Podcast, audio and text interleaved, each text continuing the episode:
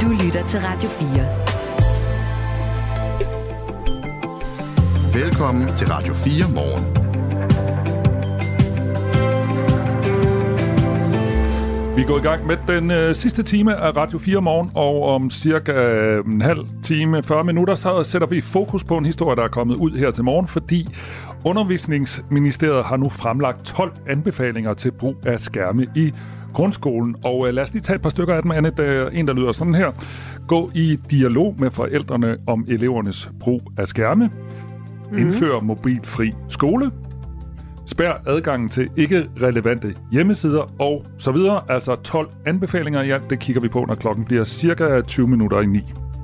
Vi skal også tale øh, om øh, Nordeas overskud. De landede et overskud på øh, knap 37 milliarder kroner sidste år. Noget, som blandt andet skyldes stigende renteindtægter. Og det får kritik fra SF, hvor folketingsmedlem Sigurd Agersnap øh, har skrevet på øh, mediet, sociale medie X, at det giver lige så meget mening, som hvis et supermarked sagde, at de havde stort overskud på grund af de højere priser. Altså øh, er øh, Sigurd Agersnap ikke ret begejstret for det her store overskud, som Nordea landede. Hvad han mener med det, det skal vi tale med ham om klokken øh, lidt over halv ni her til morgen. Og øh, her til morgen har vi også talt om fordele og ulemper ved at udbrede fartkontrol i Danmark. Det er altså sådan, at der står 11, eller 11 steder i Danmark, der står der de her stærekasser. Og det er ikke mange steder. I hele Europa står de 45.000 forskellige steder. Det er en diskussion, vi har haft her til morgen, øh, blandt andet fordi, at Storebæltsbroen nu har fået permanent fartkontrol. Om øh, cirka 10 minutter, så har vi et par politikere med. Hvad kan man gøre ved det her? Det regner udenfor. Ja, det gør det Det er også dagens øh, nyhed. Men øh, udover det, så er der altså også øh, lidt forskelligt i vente her den næste times tid i Radio 4 Morgen med Michael Robach og Anne Philipsen. Godmorgen. Godmorgen. Det her er Radio 4 morgen. Ved indgangen til februar i år, der stod en øh, lang række mindre slagterier foran massive gebyrstigninger, som følge af en ny bekendtgørelse, som Fødevarestyrelsen havde udsendt. Det vil øh, sådan konkret for eksempel koste Lars Ville fra Villes Slagterhus og Gårdbutik i Hejl syd for Kolding over 20.000 kroner ekstra om ugen alene i kontrol gebyrer. Men i stedet for at dreje nøglen om, så valgte Lars Ville at tage kampen op mod Fødevarestyrelsen. Og det er en kamp, han nu har vundet. Godmorgen, Lars Ville.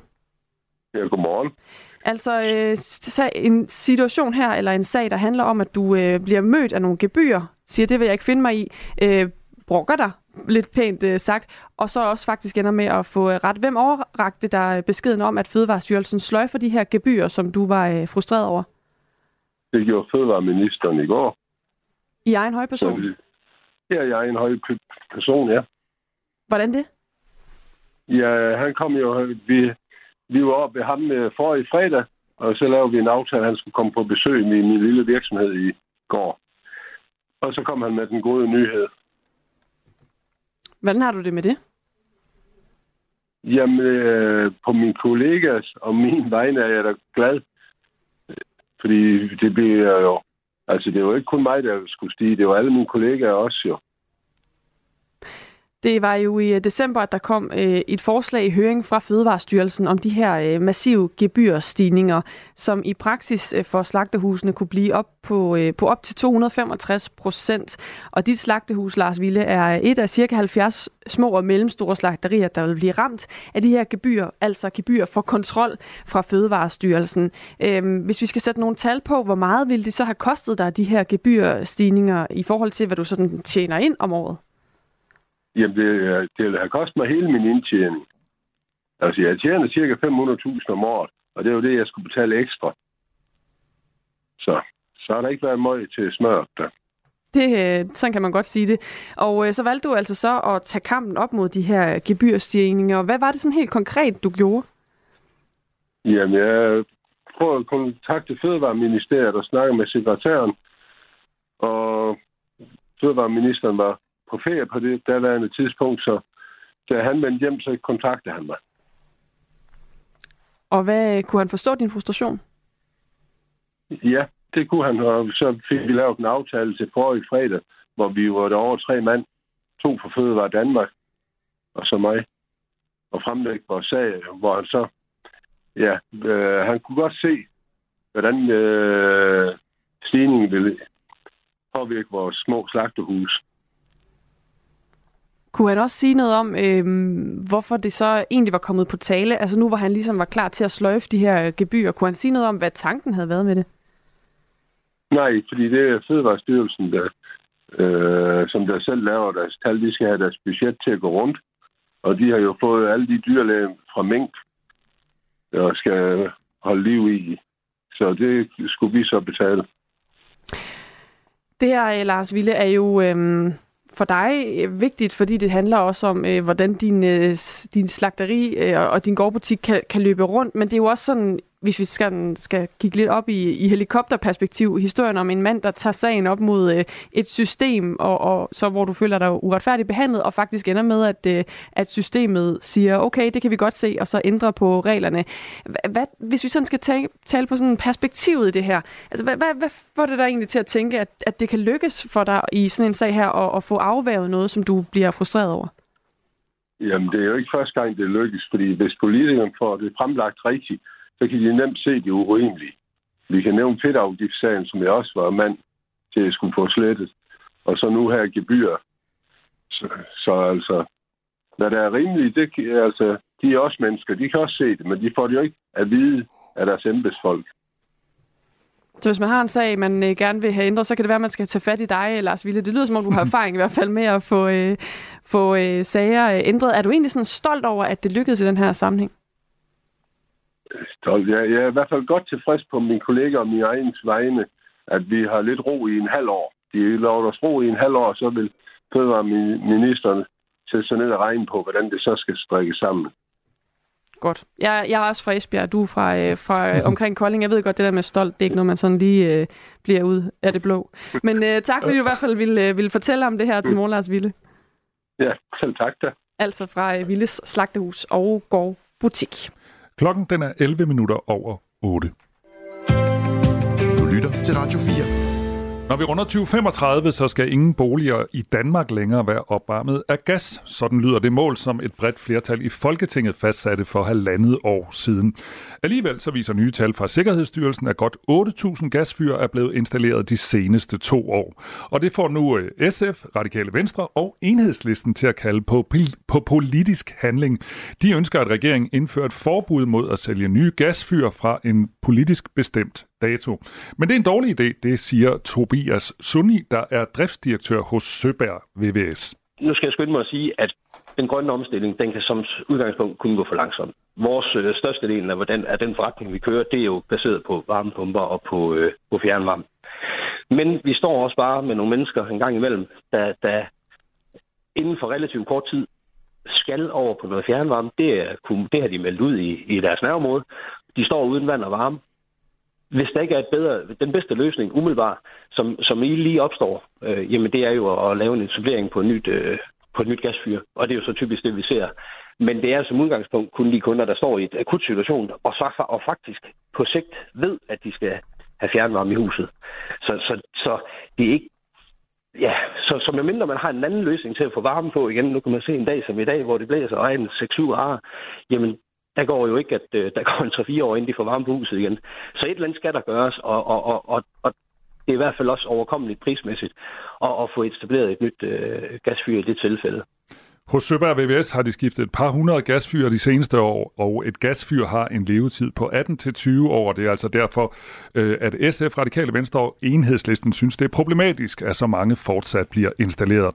Og ifølge Tobias Suni fra Søberg øh, VVS, øh, har et, øh, er et gasfyr en midlertidig og billig løsning for rigtig mange. De kunder, der, der, der geninvesterer i et gasfyr, det er jo typisk kunder, der egentlig står i et vadested og har øh, udsigt til fjernvarme. Men der er måske en 3 til, alt efter hvor lang tid der går, 3 til 8 år, inden det er etableret i deres område. Så de står typisk i et vadested, hvor de egentlig godt øh, er bevidste om, at der skal ske noget andet. Men det er typisk, hvis der er et akut problem, det vil sige, at der er et gasfyr, der går i stykker, som ikke kan laves igen, eller, jamen så kan de gå ud og, og investere i et nyt. Så det er egentlig i få tilfælde, og det er typisk i de akutte tilfælde, vi ser, at øh, de vælger at geninvestere i et gasfyr. Og et alternativ til de, her, til de her gasfyr, det er altså varmepumper, men det er de færreste, der vælger den løsning, hvis det bare er for nogle få år. Typisk så ser vi jo bare, at det er en investering, der måske koster øh, tre gange så meget som et nyt gasfyr. Og hvis der er udsigt til en, øh, til et fjernvarme. Øh, altså hvis, hvis øh, deres område, hvor de bor i, er udstykket til noget fjernvarme, eller muligvis til noget fjernvarme, jamen så, øh, så, så, så at gå ud og bruge ekstra antal kroner på en, på en varmepumpe, måske ikke, ikke lige det, man vælger, når man ved, at der går en, en årrække, så skal du igen ud og installere noget, noget nyt, som, som i det her tilfælde kunne være fjernvarme. Signe Munk er energiordfører for SF, og hun siger til mediet Altinget, at det er et afgørende skridt i den grønne omstilling at lave et forbud mod nye gasfyr. Der er jo også netop øh, med henblik på grøn omstilling, at partierne nu presser på for at komme af med gasfyr, som ikke er lige så grønne som de andre muligheder. Og derfor er det egentlig også rimeligt, at man presser på politisk, men det er ikke rimeligt, at folk ikke har varme i boligerne, lyder det altså fra uh, Tobias Sunni fra Søberg VVS den grønne omstilling, det kan kun gå for langsomt. Vi skal, vi skal handle på det. Vi skal bare tilsikre, at de forbrugere, der står i et vadested, har mulighed for at få, øh, få, få varme på huset, øh, hvis, hvis de, deres gasfyr, nuværende gasfyr går i stykker, indtil de får, får etableret fjernvarme i området. Og Tobias Suni tror også på, at udfasning af gas inden 2035 er muligt. Vi skal bare tilsikre, at, øh, at der er nogle løsninger på, på bordet, som gør, at det rent faktisk er muligt. Fordi vi, det er ikke muligt at give et øh, forbud for noget, hvor vi ikke har en anden øh, løsning til de folk, der står uden vand og varme. Det, det giver lidt sig selv.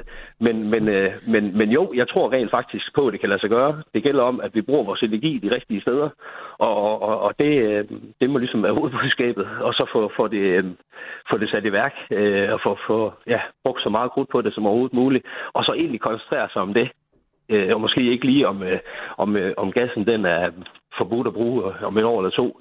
Men det, hvis det giver sig selv, at den, at den faktisk mere eller mindre er væk, når at, øh, fjernvarmen er etableret og varmepumperne er installeret, jamen så, øh, så er vi faktisk nået langt. Det sagde driftsdirektør hos Søberg VVS, Tobias Sunni. Er du klar på noget nyt fra Radio 4? Er du... Vent lidt.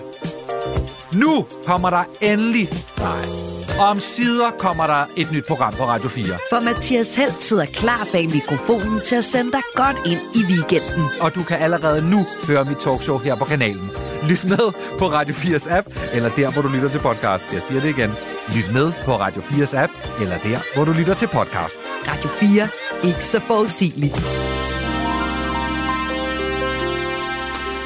Vi har her til morgen talt om fordele og ulemper ved at udbrede fartkontrol i Danmark, og det gør vi, fordi Storebæltsbroen nu har fået permanent fartkontrol ved hjælp af faste kameraer.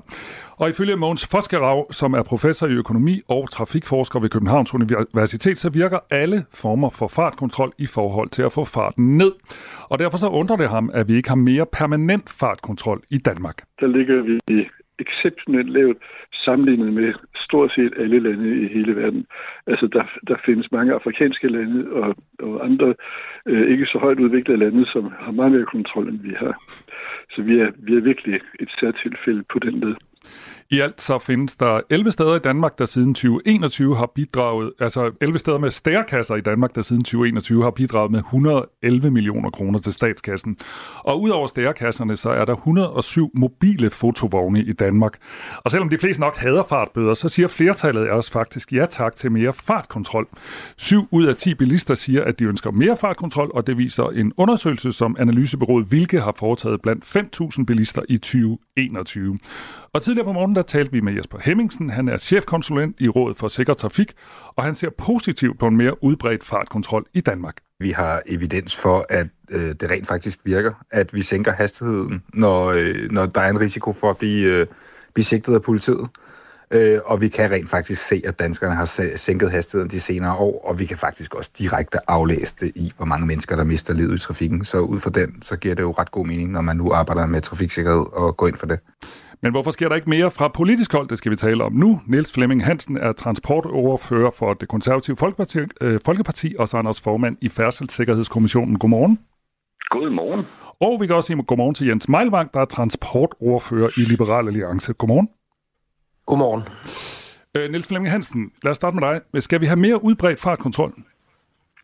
Der er i hvert fald ingen tvivl om, at øh, nu har vi jo øh, set den her fartkontrol på Storbæltsbroen, som lige er startet op, og det er man jo i hvert fald ikke i tvivl om, når man kommer kørende på den. Den er, den er rigtig godt belyst.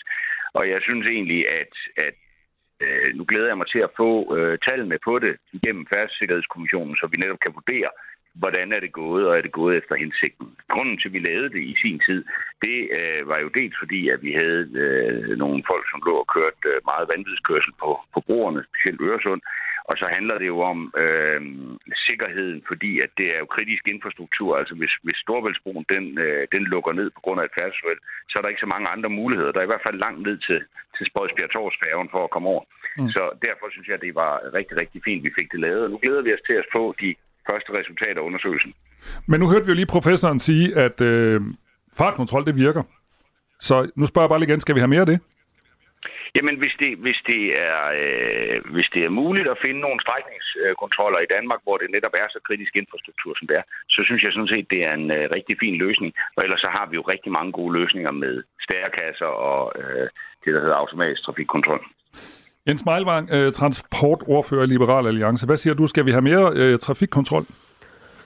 Øh, jamen, jeg er sådan set meget enig med Niels Flemming. Øh, jeg synes, det giver god mening på, på Storebæltsbroen at lave noget permanent der, og det vil jeg også gerne med til at se på, om der er andre broer, hvor det giver god mening. Øh, som han var lidt inde på, koster det jo Danmark rigtig mange penge, hvis der er et, øh, et uheld der. Øh, og øh, ja, men ellers så, så tænker jeg faktisk, jeg kan godt lide løsningen omkring, øh, at man har de her biler, man flytter rundt på. Øh, jeg tror måske, at øh, på et eller andet tidspunkt, så holder virkningen også lidt øh, øh, på de permanente. Så jeg, der skal også være sådan øh, ja, mulighed for at flytte rundt på, på det. Så jeg, jeg er sådan set meget til de mobile løsninger. Men øh, der, hvor vi ligesom har det her kritiske infrastruktur, der kan man godt lave permanent løsninger, mm. eller permanente løsninger.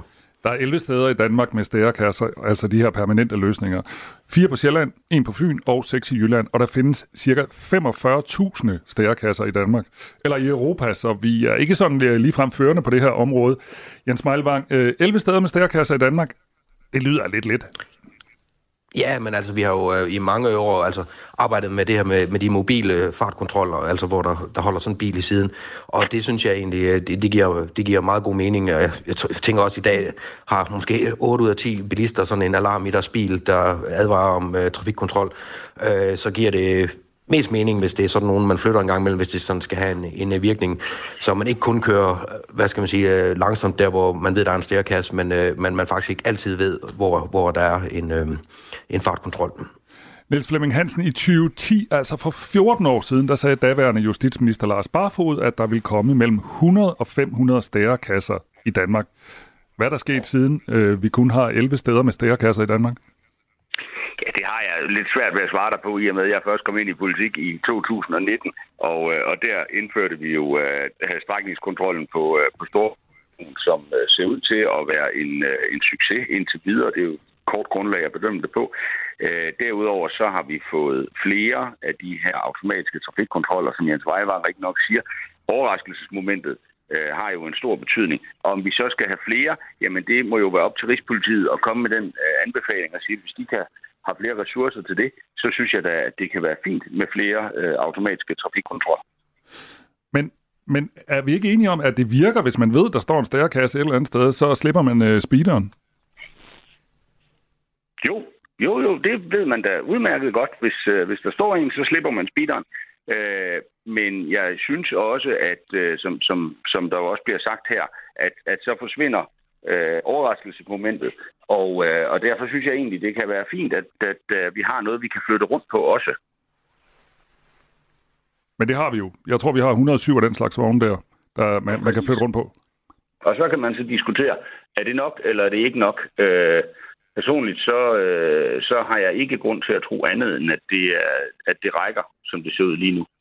Men du, altså, der er jo ret, og Forskrav har jo ret, at, at, øh, et, øh, at trafikuheld koster rigtig, rigtig mange penge for samfundet.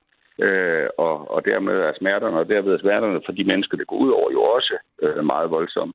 Så jeg synes egentlig, at øh, vi vil gerne være med til at kigge på flere hastighedskontroller øh, i Danmark. De skal bare give mening. Nu snakker du om det her med smerten, og det er rigtigt nok, at øh, det har jo nogle betydning, når folk kører for stærkt, fordi i perioden fra 2013 til 2018, der mistede 104, nej, 403 personer livet i en trafikulykke, mm. hvor en eller flere de involverede kørt for stærkt i forhold til hastighedsgrænsen og eller forholdene, som det hedder. Mm. Det lyder som, uh, Niels Flemming Hansen, som en uh, god sag at gå ind i uh, sådan rent politisk og få gjort noget ved de her tal, selvom de stadigvæk falder. Jamen, øh, det gør vi, og det gør vi jo igennem øh, Færdssikkerhedskommissionen. Der anbefaler vi jo regeringen øh, de tiltag, vi skal lave. Og Færdssikkerhedskommissionen er jo et sted, hvor både Rigspolitiet, FDM og de andre aktører i branchen, de sidder med. Og der sidder vi og laver anbefalinger til det her, og der vil vi da tage emnet omkring øh, trafikkontrol op på vores næste møde. Hvad med dig, Jens øh, Meilvang? Er det her en politisk mærkesag, som du kunne kaste dig ind i? Altså for det her tal med, med døde øh, øh folk, der, der mister livet i trafikken på grund af fart, øh, få det yderligere ned, blandt andet ved mere fartkontrol? Jamen det er det jo, og det er også derfor, jeg siger, at, at vi også er positive over for det, og, og også er positive over for, at man nu har lavet noget permanent på, på Storebæltsbroen. Øh, det giver rigtig god mening, og, og, og vi, vi ønsker også, at øh, folk de kører, som øh, man skal efter, efter loven, og der, hvor det giver mening, så, øh, så skal vi lave noget mere fartkontrol, og også øh, noget permanent øh, fartkontrol. Det, det er vi også med på. Vi, ja, vi er sådan set med hele vejen, altså der kan være enkelte ting, hvor vi måske synes, det går for vidt, hvis man laver fartkontrol om natten ved noget vejarbejde, hvor der ikke er nogen, der arbejder osv. Men øh, sådan helt generelt, så, øh, så er vi med på en øget øh, fartkontrol i Danmark. Jeg kunne også godt tænke mig her til sidst lige at gribe fat i noget af det, som nogle af dem, der ikke bryder sig om fartkontrol, øh, er ude at sige. Altså det her med, at vi bliver overvåget rigeligt i forvejen. Hvis der skal være mere fartkontrol, så bliver vi overvåget endnu et sted. Hvad siger du til det, Jens Meilvang? Ja, men det er jo rigtigt, men altså, det, det må man altså leve med. Øh, det er så vigtigt, som vi selv var inde på med de her ulykker, at øh, folk de overholder øh, fartlovgivningen og, øh, og man ved, at det hjælper med fartkontrol, og, øh, og der må jeg sige, at der, øh, der, der, der, må man, der, der må man altså leve med, at man bliver overvåget, hvis man kører for stærkt. Ja, til gengæld er jeg ikke meget for det her med, hvis politiet bruger det til sådan generel overvågning, så de kan fortælle, hvor folk har været henne på hvilke tidspunkter, øh, sådan i forbindelse med andre ting. Øh, men, men altså, hvis man kører for stærkt, så må man også leve med, at politiet har taget et billede af en, og man får en bøde for det. Mm. Det, det kan ikke være anderledes. Niels Flemming Hansen, hvor ligger du på den her problemstilling? Altså det her med, at hvis vi for eksempel får flere stærekasser, og nu har vi fået det her på Storbæltsbroen, at vi så bliver overvåget i højere grad? Altså jeg er nødt til at sige, at øh, trafiksikkerhed og det at sætte andre menneskers liv på spil, det øh, gør man jo, når man ligger og kører for stærkt. Og det må man altså leve med, at øh, politiet er der og tager nogle billeder af en, når man gør det. Øh, det kan ikke være anderledes. Tak til dig, Niels Flemming Hansen, altså transportordfører for de konservative. Selv tak. Og også, øh, også tak til dig, Jens Meilvang, transportoverfører i Liberal Alliance. Tak for invitationen. Velbekomme. Og vi har prøvet at få uh, transportminister Thomas Danielsen med i Radio 4 her til morgen, men han har ikke vendt tilbage på vores henvendelse. Og så skal jeg også sige, at vores program Ring til Radio 4, de diskuterer det her emne i dag, og lyt med og deltage i debatten her på kanalen kl. 10.05. Og allerede nu er der også gang i debatten på øh, uh, sms'en. Skal vi ikke lige rydde op i uh, de inputs, der er kommet uh, på den her uh, snak? Der er en, der skriver, øh, det er Thomas fra Skjern. Hvis man vil tjene penge, så sætter man en mobil stærkasse op. Hvis man vil sikre trafikken, så sætter man en permanent op. Det handler om penge i kassen. Og Silas fra Nordfyn skriver, ja tak til mere fartkontrol, og det burde være ulovligt at have apparater, der kan advare om fartkontroller. Og bøden burde blive beregnet på procenter af ens månedsløn, så selv dem med mange penge kan mærke det. Der er også øh, Steve, der skriver, sæt stærekasserne strategisk op, som i Sverige. Der står de som regel lige før et farligt kryds. I Danmark vælger man at sætte dem på en lige og overskuelig strækning, som intet andet formål har end at rive penge ind. Det er ikke præventivt på nogen måde. Og René fra Mors skriver, Godmorgen, overvågning, spørgsmålstegn. Man kan jo følge loven, så bliver man ikke overvåget. Tak for sms'erne. De øh, kan sendes ind på 1424 mens vi sender, og selvfølgelig også, når der er ring til Radio 4, hvor de altså også taler om øh, fartkontroller lidt senere. De sender øh, 10.05 i dag. Du lytter til Radio 4 morgen. Øh, når vi er tilbage efter nyhederne, så skal vi øh, kigge på 12 anbefalinger, som er kommet fra Undervisningsministeriet. Altså, det handler om 12 anbefalinger til brug af skærme i grundskolen. Og lad os lige tage nogle af de her anbefalinger. En af dem lyder, spær adgangen til ikke relevante hjemmesider. Læg tab- tablets og computer væk, når de ikke bruges i undervisningen. Lad fokus på skærmbrug, bidrage til elevernes digitale dannelse og give plads til analog læring. Det er altså bare nogle af de anbefalinger, der i dag kommer fra Undervisningsministeriet, og det handler jo om, øh, om det her med, hvordan vores øh, skolebørn øh, bruger skærme i undervisningen. Og øh, når vi er tilbage efter nyhederne cirka kvart i ni, så kommer vi øh, til at tale med flere, øh, der har forstand på det her. Vi skal blandt andet tale med Eva Fogh Nord, som er digital pædagog og ekspert i børn og unges brug af sociale medier. Vi skal også tale med øh, Regitze Spænder, Is, Regitze Spænder Ishøj, som er næstformand i foreningen Skole og Forældre, øh, som jo også er nogle af dem, der, øh, der har en holdning til de her øh, 12 anbefalinger, som er kommet i dag fra, øh, fra Undervisningsministeriet. Og inden da, der skal vi tale med Sigurd Agersnap, folketingsmedlem for SF og skatteordfører. Han har øh, reageret på et overskud på 37 milliarder kroner fra øh, Nordea, et øh, nettooverskud, som kom frem i går i, i selskabets årsrapport. Hvad han mener om det, det skal du høre efter nyhederne. Nu skal vi have nyheder. Nu er der nyheder på Radio 4. En lang række risikofaktorer hober sig op hos den andel af den danske befolkning, der har kortest uddannelser. Det viser nye tal fra Statens Institut for Folkesundhed. Tallene bygger på svar fra godt 10.000 adspurgte. Undersøgelsen er en mellemregning efter corona på de store nationale folkesundhedsundersøgelser, hvoraf den seneste kom i 2022. Og selvom der bliver lidt færre rygere og forbruget af alkohol er faldet en smule, har mange fortsat ondt, spiser mere usundt, bevæger sig for lidt og bliver stadig stadig tykkere. Næsten hver femte er svært overvægtig, og overvægten trækker oftest en række kroniske sygdomme i sit kølvand. Oveni viser det mentale helbred, såsom stress, angst og ensomhed, en negativ spiral. Den sociale ulighed løber som en rød tråd gennem undersøgelsen, fastslår forskningschef Anne Illemann Christensen fra Statens Institut for Folkesundhed. Når vi kigger på parametrene enkeltvis, så ser vi i stort set alle de parametre, vi kigger på, at der er en social ulighed. Men det vi også kan se, det er, at når vi kigger på de her ophobninger eller flere samtidige risikofaktorer, så ser vi også en social ulighed. Det vil sige, at der er en højere forekomst blandt personer, der har en kort uddannelse, der har en ophobning af risikofaktorer. Det vil sige, at de ryger, de har et højt alkoholforbrug, de er svært overvægtige osv. sammenlignet med dem, der har en lang uddannelse. Danskerne skal 9. juni stemme til Europaparlamentsvalget, og valget falder i en tid, hvor vælgerne i høj grad frygter at blive manipuleret af falske nyheder, misinformation og desinformation. Det fremgår af en ny undersøgelse fra et nyt center for sociale medier, tech og demokrati, der åbner i dag. 66 procent af respondenterne, to ud af tre, erklærer sig enten overvejende enige eller enige i, at de er bekymrede for, om udbredelsen af såkaldt fake news giver et skævt billede af, hvad der foregår i Danmark. Endnu flere frygter det, når det gælder billedet af, hvad der foregår i hele verden. Undersøgelsens resultater mødes bestemt ikke med glæde hos kulturminister Jakob Engel Schmidt. Det er noget, jeg i allerhøjeste grad er bekymret for. Øh, som politiker har man jo i lang tid gået og været bekymret for, hvordan de store tech-platforme og de store tech-virksomheders forretningsmodeller påvirker vores demokrati vores samtale og vores opfattelse i virkeligheden. I undersøgelsen skændes der mellem misinformation og desinformation. Misinformation handler om nyheder, historier og opslag og andet, som indeholder falske oplysninger, men hvor afsenderen ikke er bevidst om, at indholdet er forkert. Desinformation handler om bevidst at sprede faktuelt forkert indhold. Det kan ske med henblik på at snyde eller vildlede. Meta, der står bag de sociale medier Facebook og Instagram, advarer sine aktionærer om stifter og ejer Mark Zuckerbergs interesse for kampsport. Det oplyser selskabet i en meddelelse til det amerikanske børstilsyn, skriver nyhedsbruget DPA. I meddelelsen lyder det, at den kampsport, Zuckerberg dyrker, indebærer en risiko for alvorlig skade og dødsfald.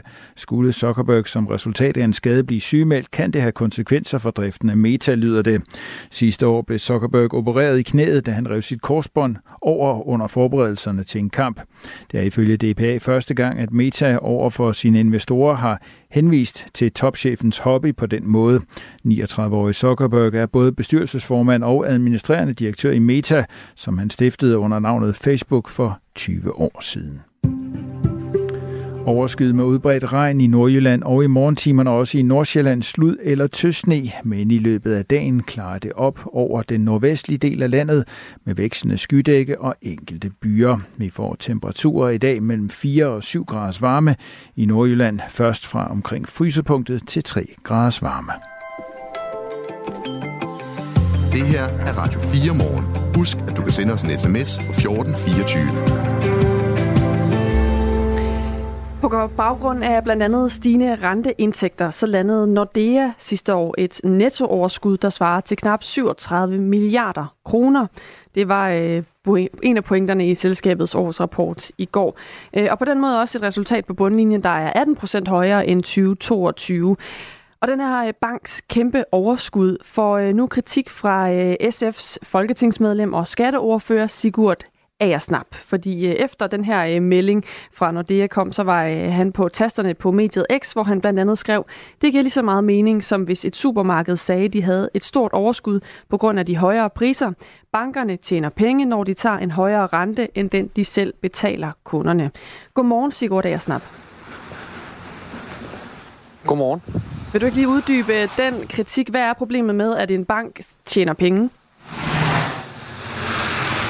Jamen, jeg har ikke noget imod, at banker øh, tjener penge, men øh, når øh, vi kan se rekordstore overskud, jeg tror, det er en nordisk rekord, det, øh, det overskud, Nordea har her, i en tid, hvor andre har, øh, har haft for inflationen, eller kæmpet med inflationen, øh, så, så man skal spørge sig selv, om det er, om det er fair, om det er fornuftigt som, øh, som samfund. Og så reagerede jeg bare på den forklaring, der hedder, at på grund af de høje renter, så var der store overskud. Og det, det svarer jo bare til, at man siger, at vi tager høje priser. Altså det, det er ikke anderledes end at tænke på en pris. Jeg skal lige sige, Sigurd Aersnap, at øh, du går ud i det våde vejr og våd vejr, og vådt vejr og veje og biler, der kører og sådan noget. Det kan man godt høre. Så, øh, så, så stille du overhovedet kan være, vil det være helt fantastisk. Så kan vi nemlig bedre høre dine pointer.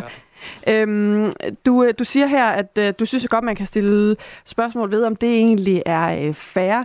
Altså, synes du, det er unfair, at når det har, øh, har tjent de her penge sidste år?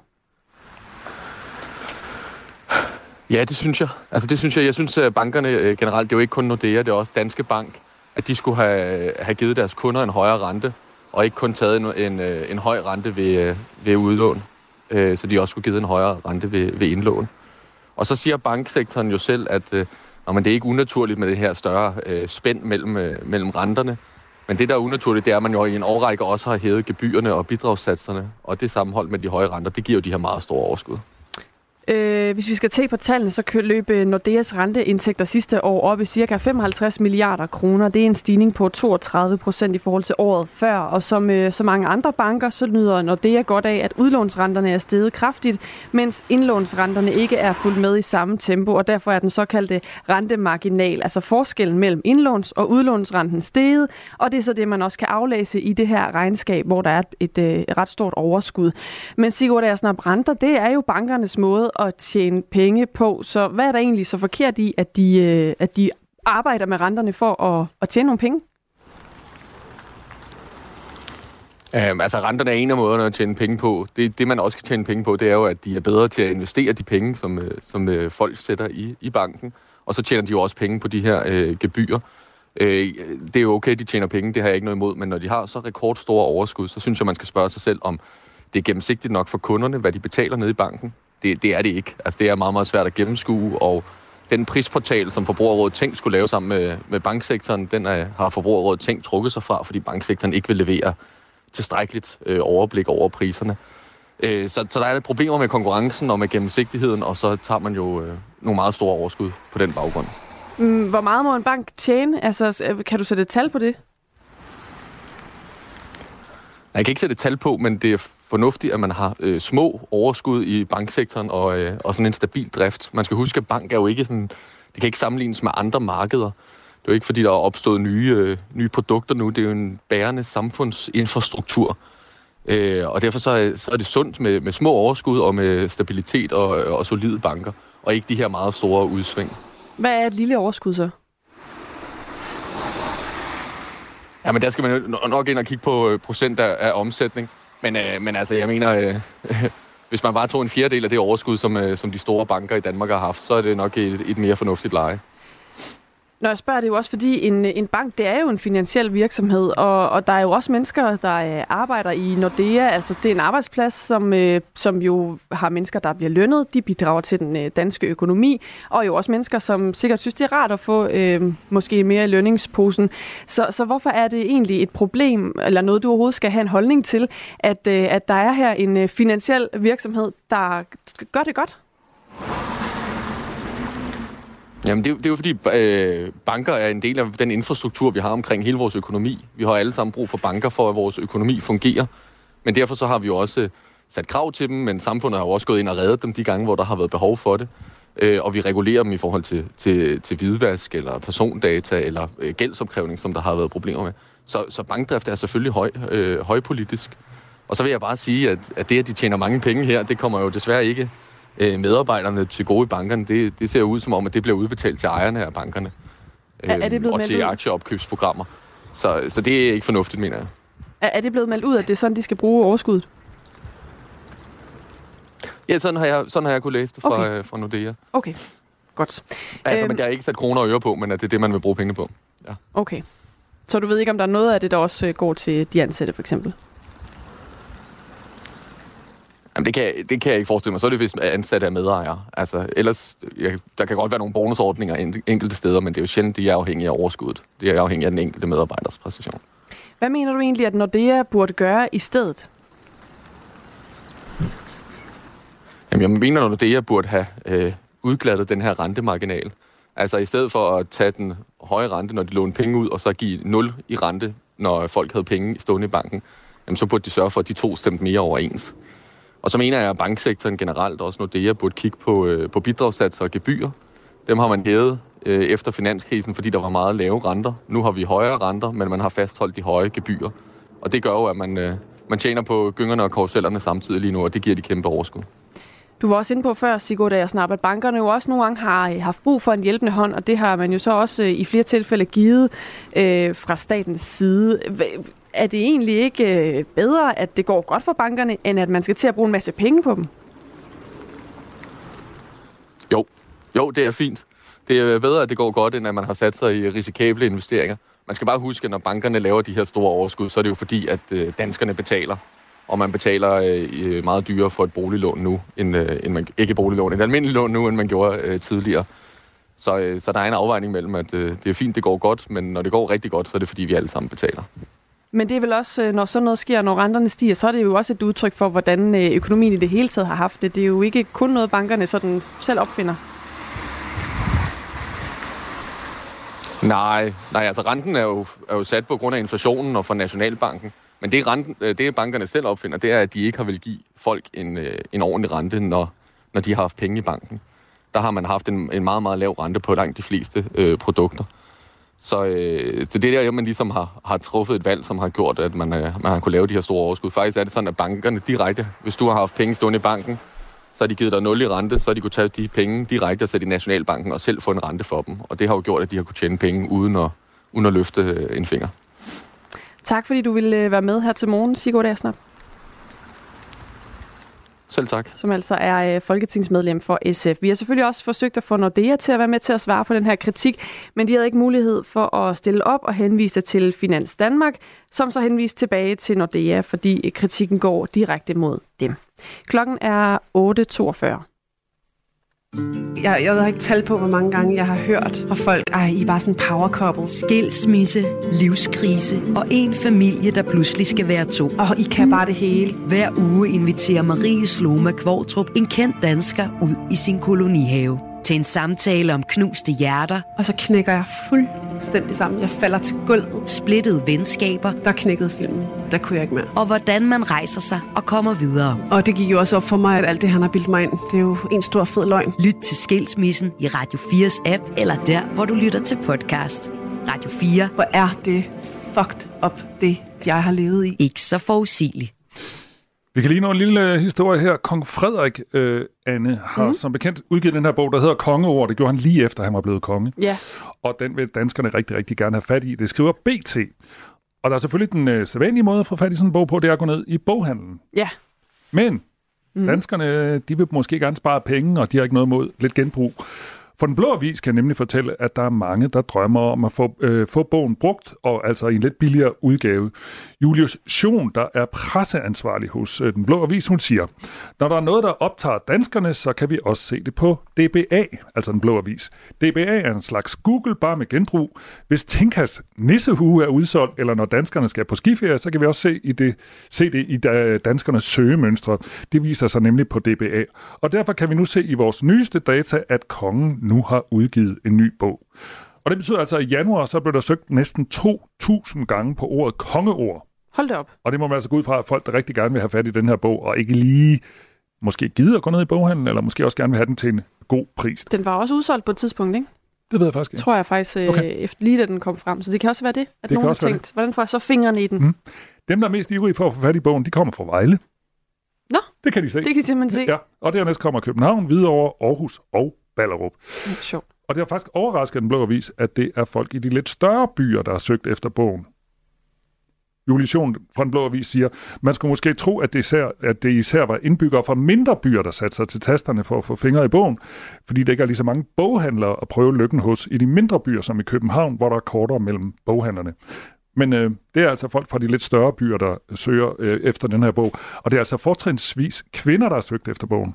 Okay. Kan de også se? Det kan de også se. Det kan de også de kan godt se. nok se meget. Det må være dem, der har oprettet en profil, siden man kan se det, tror jeg. Ja. Og 24 procent af dem, der har søgt efter bogen, er mellem 50 og 59 år gammel.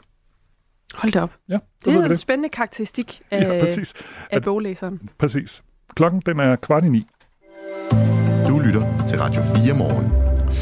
Undervisningsminister Mathias Tesfaye har netop offentliggjort 12 anbefalinger for brug af skærme i folkeskolen, og anbefalingerne er udarbejdet af det, der hedder Styrelsen for Undervisning og Kvalitet, og det har det gjort efter et ønske fra ministeren. Og øh, lad os lige tage nogle af de her råd. Et lyder, ledelsen sætter retning for skærmbrug på skolen. Et andet råd lyder, skab overblik over skolens skærmbrug som udgangspunkt for dialogen. Øh, vi tager et råd mere. Det lyder sådan her, indfør mobilfri skole. Og det sidste råd, altså der er 12 i det hele, men dem jeg nævner lige nu, det er brug kun skærme, når det er pædagogisk hensigtsmæssigt. Eva Fogh Nord er digital pædagog og ekspert i børn og unges brug af sociale medier. Godmorgen. Godmorgen. Sådan, som jeg forstår det, så er du sådan ikke ligefrem blæst helt bagover af de her anbefalinger. Hvorfor ikke? Nej, det er jo, der er jo ikke noget nyt i det her. Øh, Man kan sige, at den vildeste det er, at de nu har sat indfør mobilfri skole som en kraftig anbefaling. De har jo været på vej længe, må man sige. Men ellers så er det her jo, øh, det er jo noget, der er blevet talt om. Både på skolerne og blandt øh, det professionelle personale og blandt politikerne i lang tid. Så øh, det er jo en, en måde at skal vi sige, sætte en ramme for, hvad der allerede er talt om, og så kan det jo være, at der er flere, der tænker, Nå, men så skal vi indordne os, men det er stadigvæk svært, når øh, mange af skolerne og personalet og den slags for eksempel er afhængige af digital læringsmateriale. Så siger du, at det her det er sådan lidt almindelighed, eller hvad?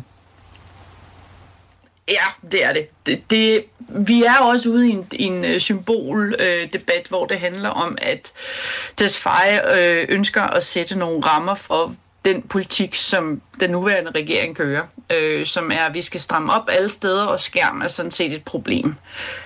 Det er jo bare også et symbol på, at vi i mange år har, øh, har haft et problem med, hvilken vej skal vi rent faktisk gå i forhold til det her. Hvad er det, der skal ske?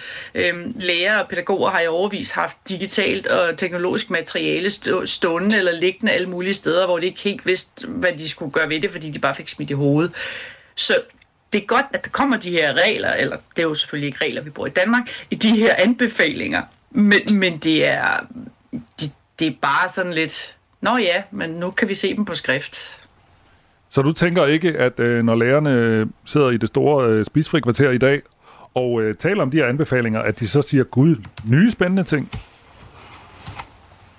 Nej, jeg tænker, at de siger, åh nej, hvad skal jeg nu øh, i gang med at lægge mærke til? For eksempel det her med, at man skal lave en, et overblik over skolens skærmbrug.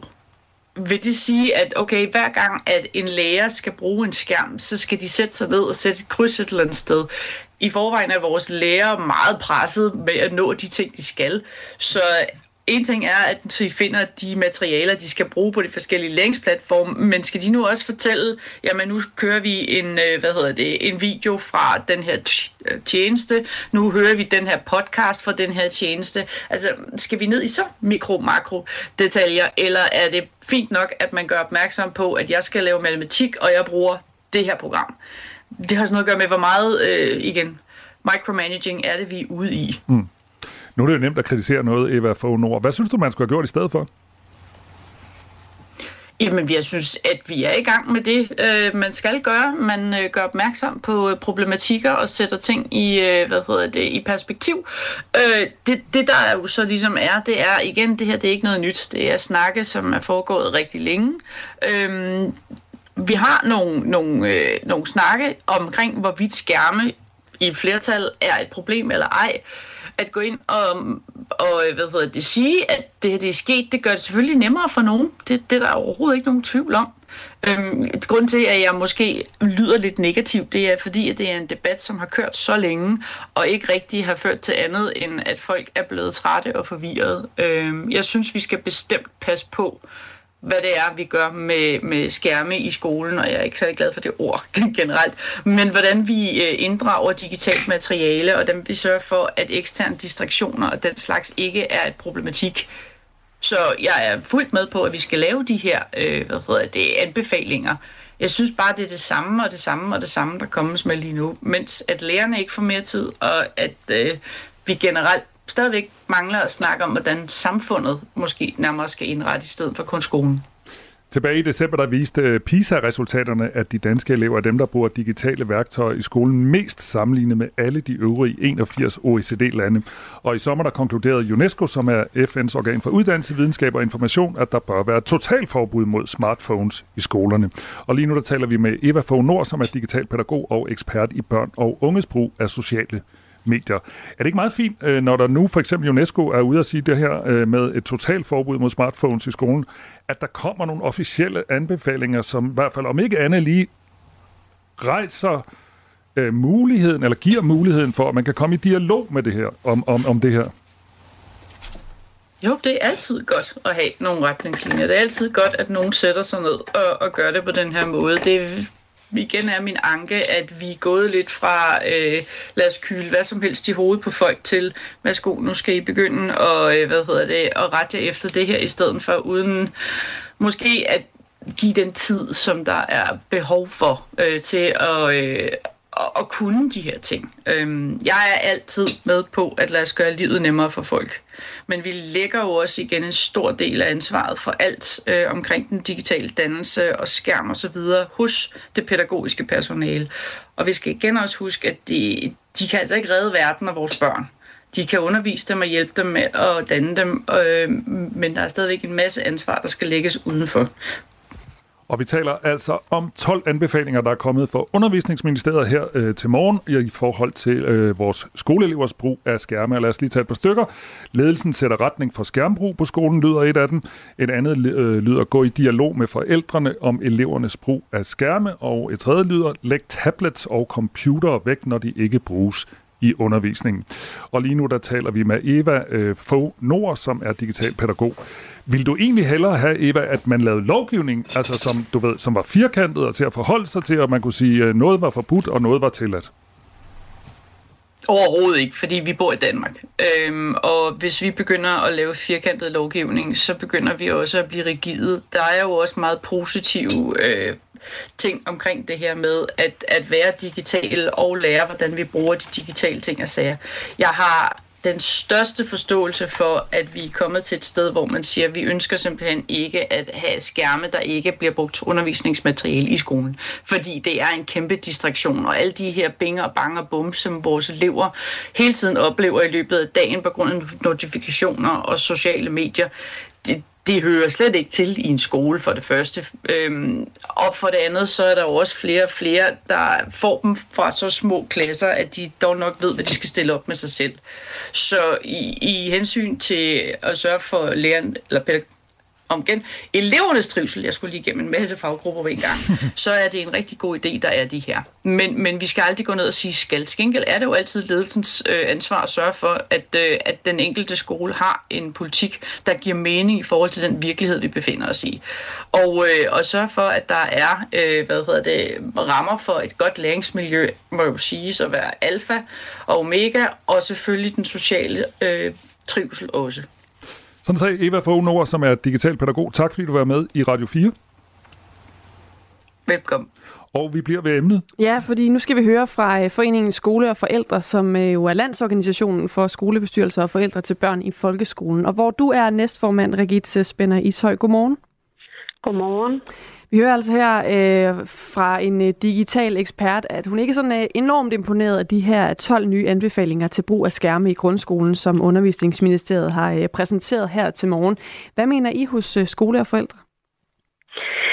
Jamen, øh, vi synes jo egentlig, at øh, det er nogle øh, udmærkede anbefalinger. Øh, det giver øh, mulighed for ude på skolerne at øh, stoppe op og kigge efter, hvad er det for nogle retningslinjer, vi arbejder med, og hvordan får vi øh, vores hverdag til at hænge sammen bedst muligt. Øh, en af anbefalingerne lyder, at ledelsen sætter retningen for skærmbrug på skolen. Sådan en anbefaling, er den egentlig anderledes for, hvordan det allerede forholder sig i dag?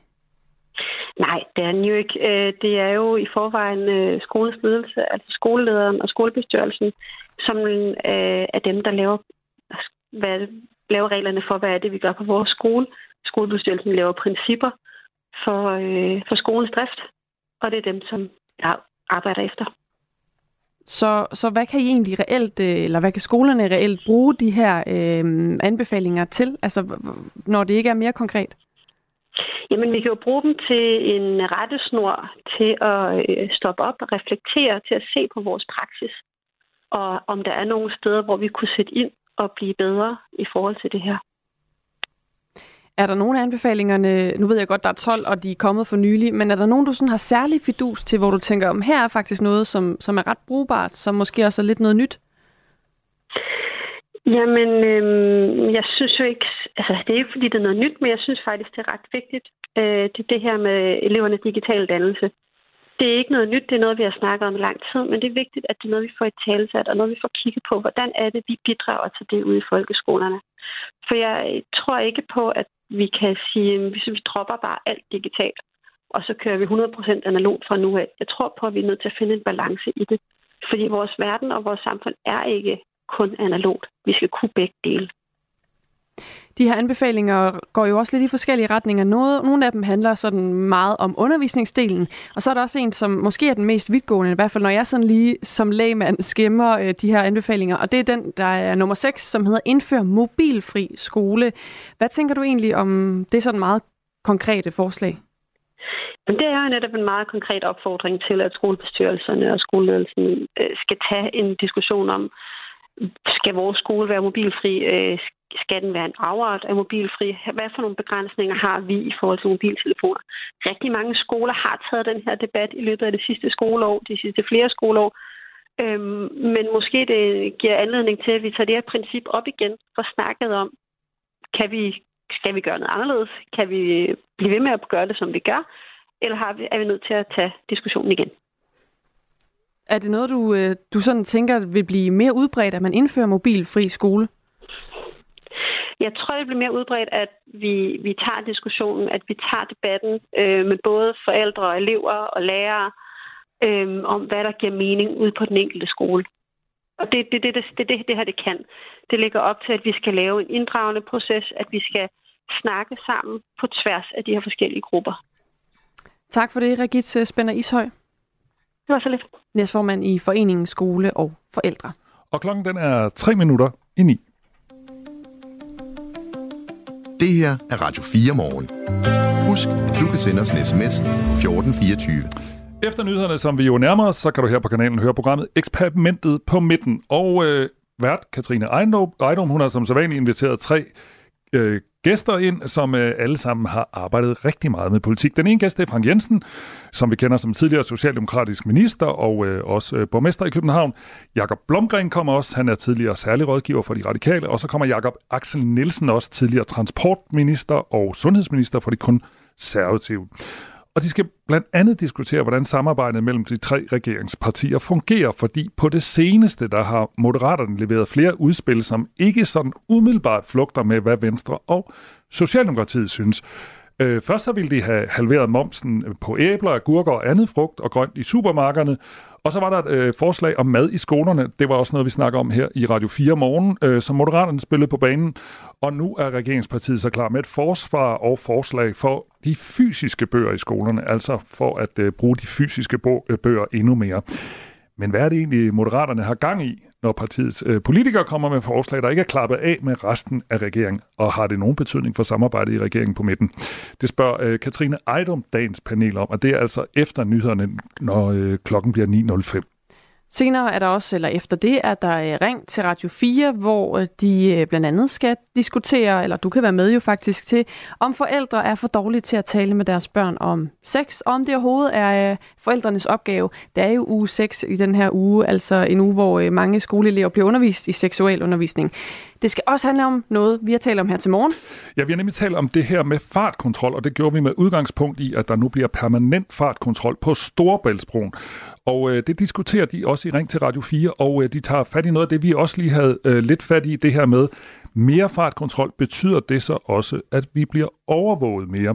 Øh, Anders Kjærulf er gæst, og han er journalist og øh, tech-kritiker. Han er også med i Ring til Radio 4, som altså er 1005 hvor det i øvrigt også skal handle om, om man må arme offentligt på en restaurant. Så der er altså lidt af hvert på øh, paletten. Og nu er du klædt på til at blive hængende her på kanalen. Du ved, hvad du kan forvente af dagen. Og jeg er sikker på, at man i løbet af morgens nyheder også kan forvente at øh, høre mere om det her mobilfri skole. Nu klokken 9. Du har lyttet til en podcast fra Radio 4. Find flere episoder i vores app, eller der, hvor du lytter til podcast. Radio 4. Ikke så forudsigeligt.